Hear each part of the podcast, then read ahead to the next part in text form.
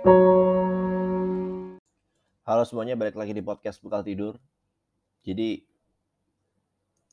kali ini gue bakalan bahas tentang self defense mechanism.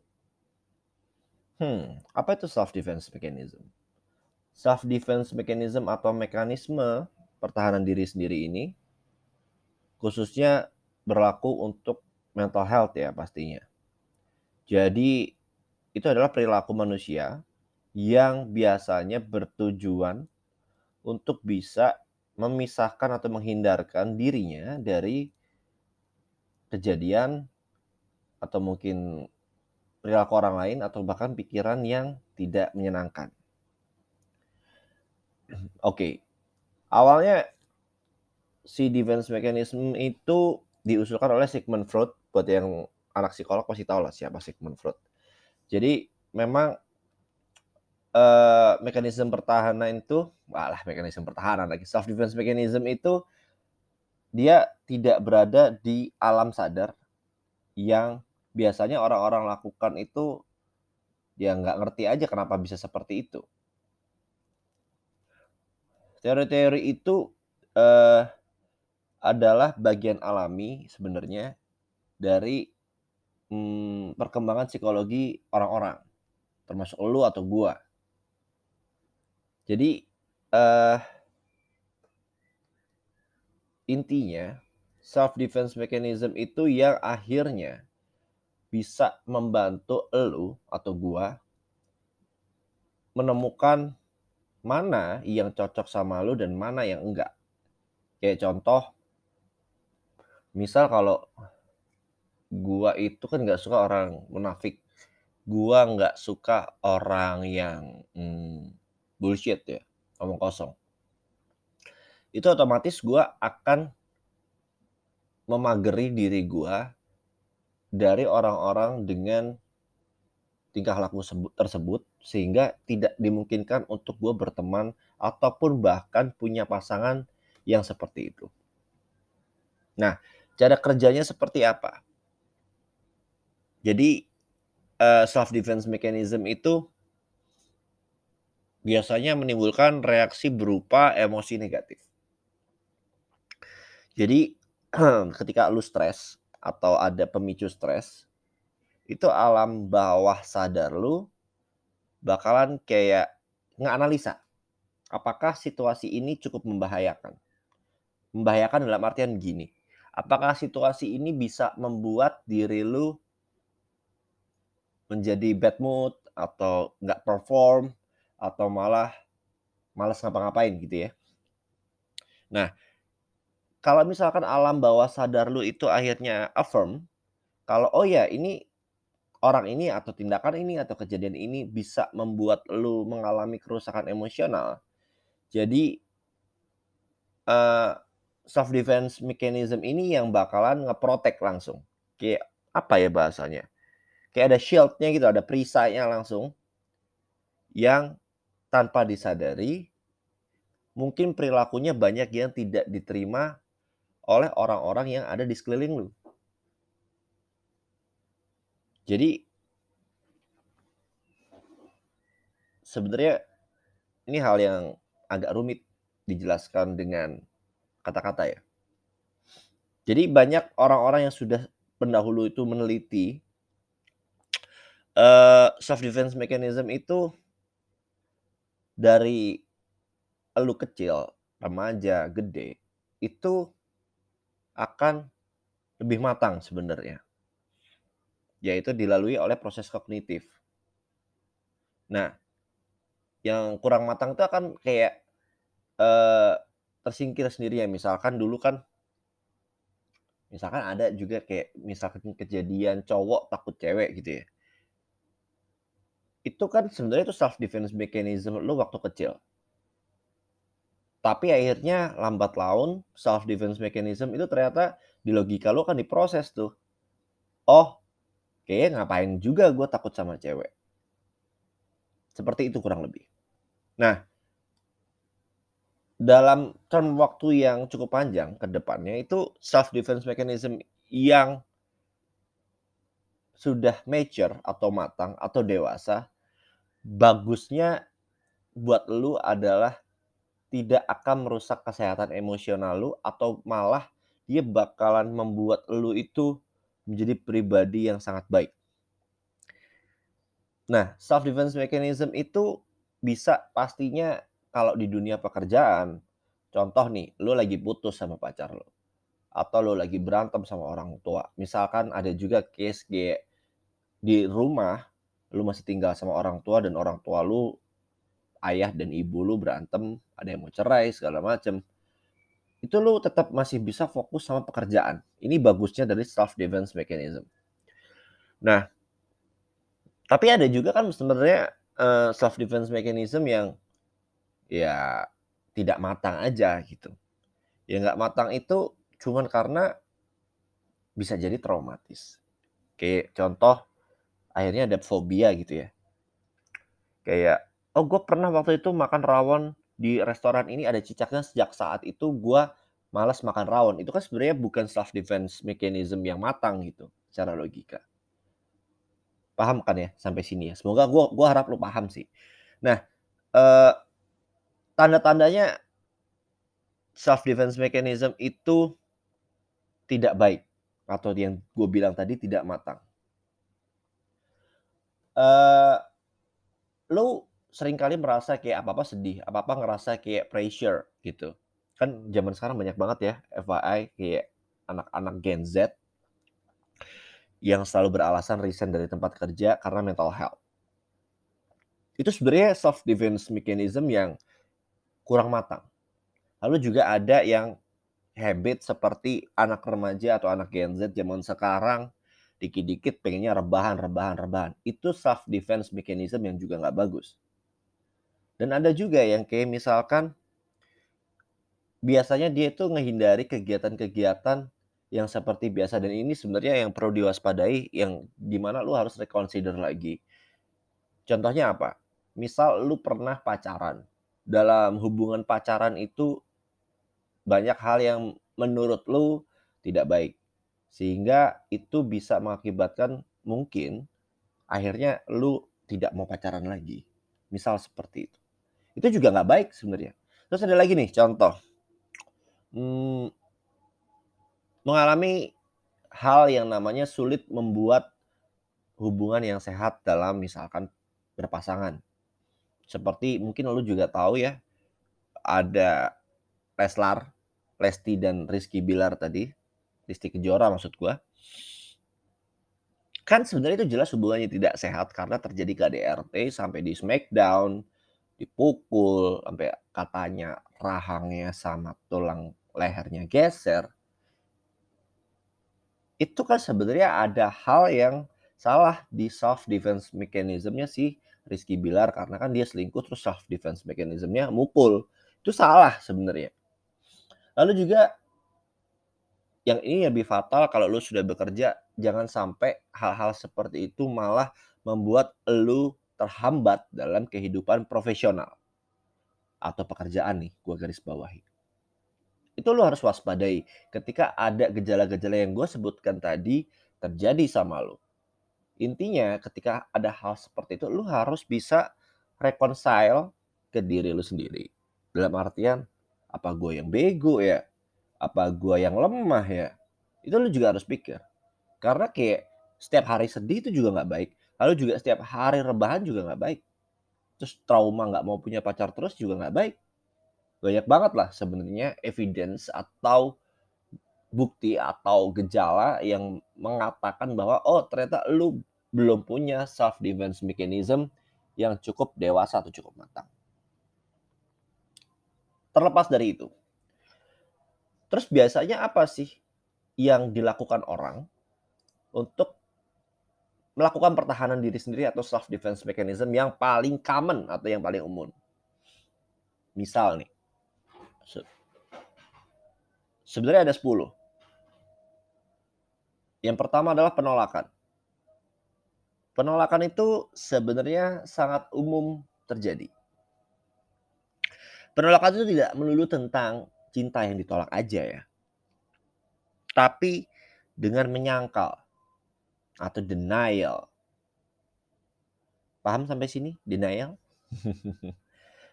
Penolakan itu denial ya lebih tepatnya, bukan kayak, "Aku menolak cinta dia." Ya, itu sebenarnya bukan penolakan, ya itu beda itu.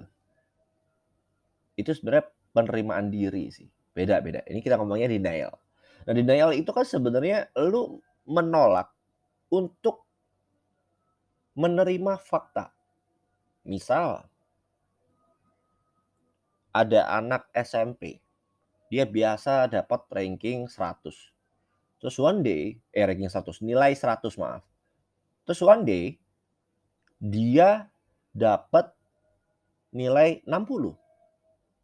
Dia langsung tiba-tiba denial tuh pasti, nggak mungkin nih gue dapat ranking 60, eh nilai 60. Pasti yang salah gurunya, pasti yang salah dosennya. Itu denial ketika dia sudah mulai menyalahkan eksternal. Ini juga perlu diwaspadai.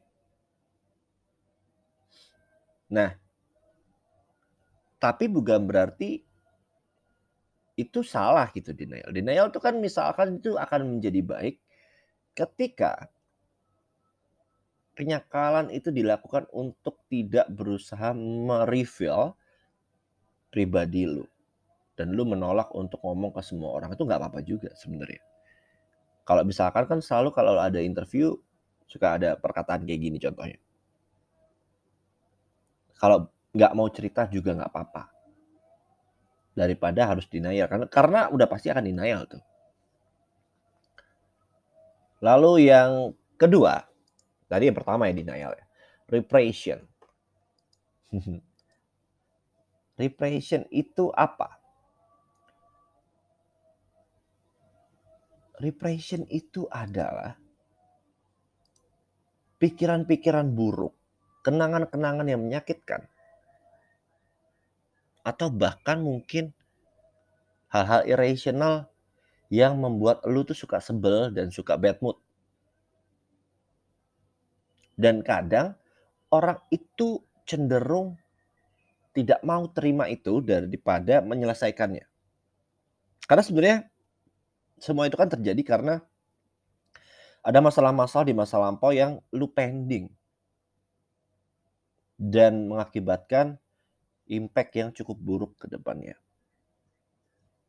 Tapi sekali lagi, bukan berarti kenangannya itu hilang. Enggak juga. Tapi yang penting adalah penerimaannya. Oke, itu yang kedua. Yang ketiga, projection atau proyeksi. Proyeksi itu adalah cara yang lo lakukan ketika lu berpikir orang lain itu bakal membuat lu tidak nyaman. Misalkan nih, kayak ada orang gitu. Ini mukanya gini. Kayaknya ini orang jahat deh. Ngerti gak sih? Itu sebenarnya kan proyeksi ya. Tapi hati-hati ketika proyeksi ini Anda terapkan. Misal, ada kan orang yang cukup kolot seperti, wah, untuk ras tertentu gue enggak deh, kayaknya ras tertentu itu sifatnya seperti ini. Tapi padahal sekali lagi itu stereotype. Enggak semua orang seperti itu. Terus ada lagi contoh lu baru masuk kerja. Terus lu tuh kayak ngelihat ada salah satu teman kerja lu yang ini orang aneh banget deh. Terus kayak lu seakan-akan jadinya ngomong dan meyakini ke diri lu sendiri, ini orang anjing sih. Padahal orang itu nggak apa-apa. Welcome, welcome nih orang nih. Lu aja gitu. Jadi itu juga lu harus hati-hati. Proyeksi ini makanya ketika lo tidak punya kesadaran yang cukup, ini nanti akan gue bahas nanti sih. Ini gue akan bahas self defense mechanism sebelum self awareness dulu. Jadi ketika nggak dewasa itu banyak banget ya self defense mechanism yang sebenarnya salah. Lalu yang keempat adalah tentang displacement. Displacement itu pengalihan. Jadi sebenarnya eh, ketika misalkan lu punya, ada yang namanya emosi negatif atau merasa stres terhadap seseorang. Jadi lu tuh bahkan bisa melakukan dan melampiaskan terhadap sesuatu. Itu yang masalah. Karena kan sebenarnya misal nih, kayak contoh orang tua tuh biasanya tuh yang kerja di kantor. Pulang-pulang karena dia stres di kantor, dia melampiaskan kepada istrinya, kepada anaknya, dan itu tidak baik.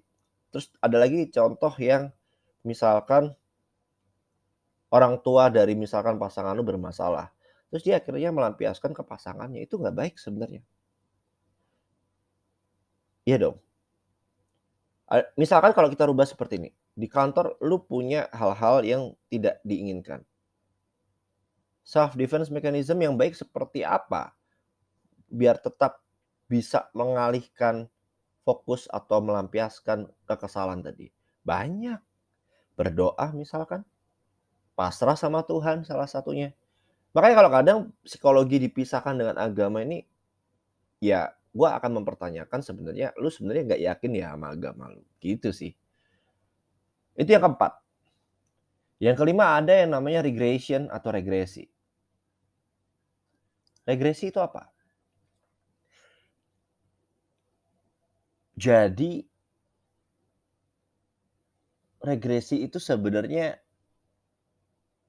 dia suka melakukan pelarian. Lo tahu nggak sih kalau anak kecil yang biasanya eee dia itu stres gitu. Kadang kan kelakuannya aneh-aneh ya kalau anak kecil. Ada yang misalkan suka suka ngompol, atau bahkan suka, apa nih, bakar-bakar kertas gitu, main lilin gitu. Itu sebenarnya dia lagi pelarian gitu. Dan ini nggak baik. Tapi bukan berarti ini nggak terjadi sama orang-orang dewasa. Tapi bukan berarti kalau ketika udah dewasa ya masalah, nggak juga. Ini biasanya terjadi juga ke gua. Gua akan mengakui ini. Misal, gua lagi stres, gua ngerokok, itu regresi. Atau gigit-gigit jari, itu regresi juga. Main widget spinner ya kemarin tuh ada tuh. Itu juga salah satu bentuk regresi. Tapi kalau yang dilakukan tidak merusak diri sendiri, itu sebenarnya matang-matang aja gitu. Kayak misalkan ketika gua stres, gua minum air putih. It's okay.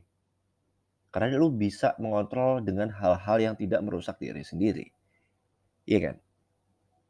Lalu yang keenam ada yang namanya rasionalisasi. Self defense mechanism rasionalisasi ini adalah hal yang sangat baik menurut gua. Kenapa?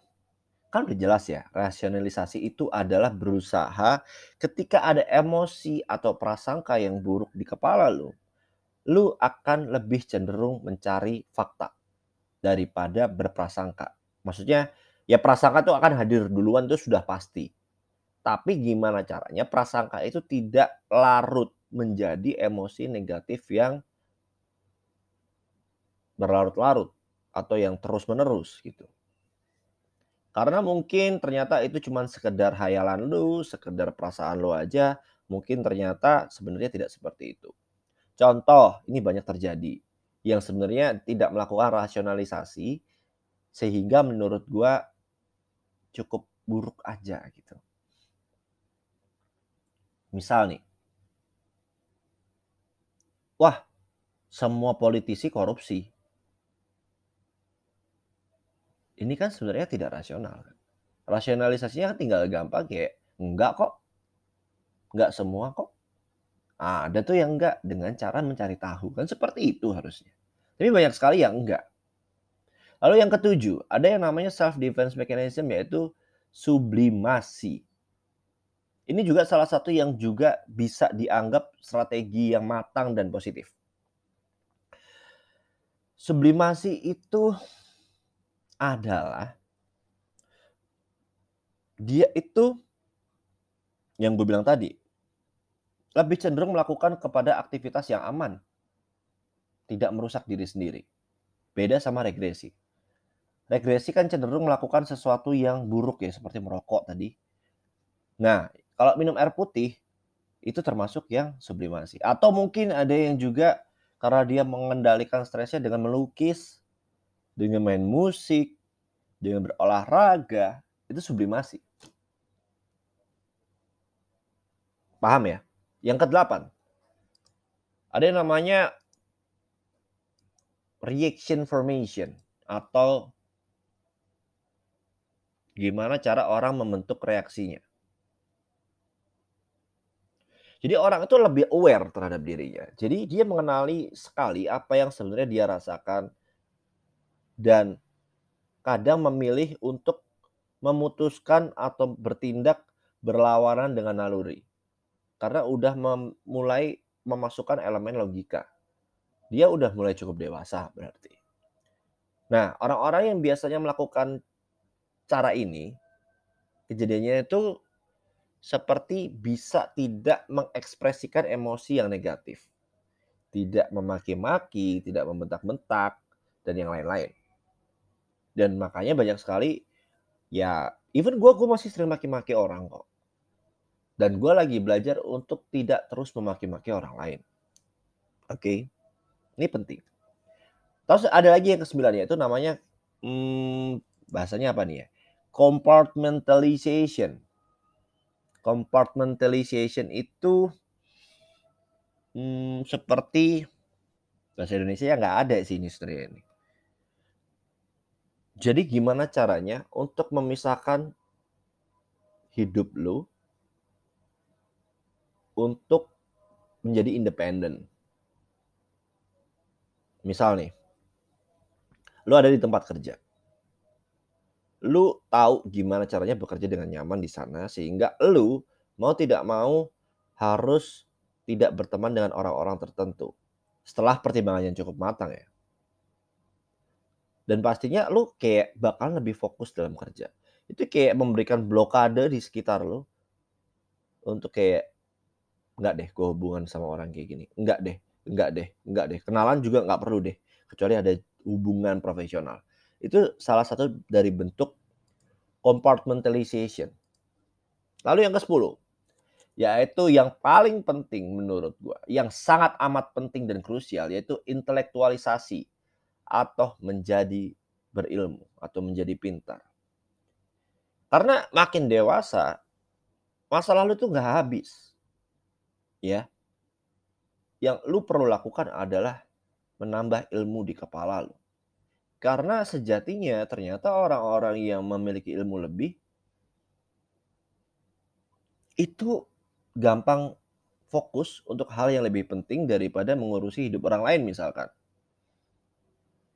Orang-orang yang berilmu cenderung ketika kerja juga bisa lebih rapi dan bisa lebih tepat waktu misalkan disiplin kasarannya dan lebih integritas.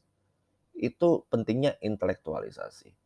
Jadi kalau lo misalkan lihat-lihat bocah-bocah di Twitter yang suka memaki-maki presiden contohnya ya, itu belum di fase bisa melakukan intelektualisasi.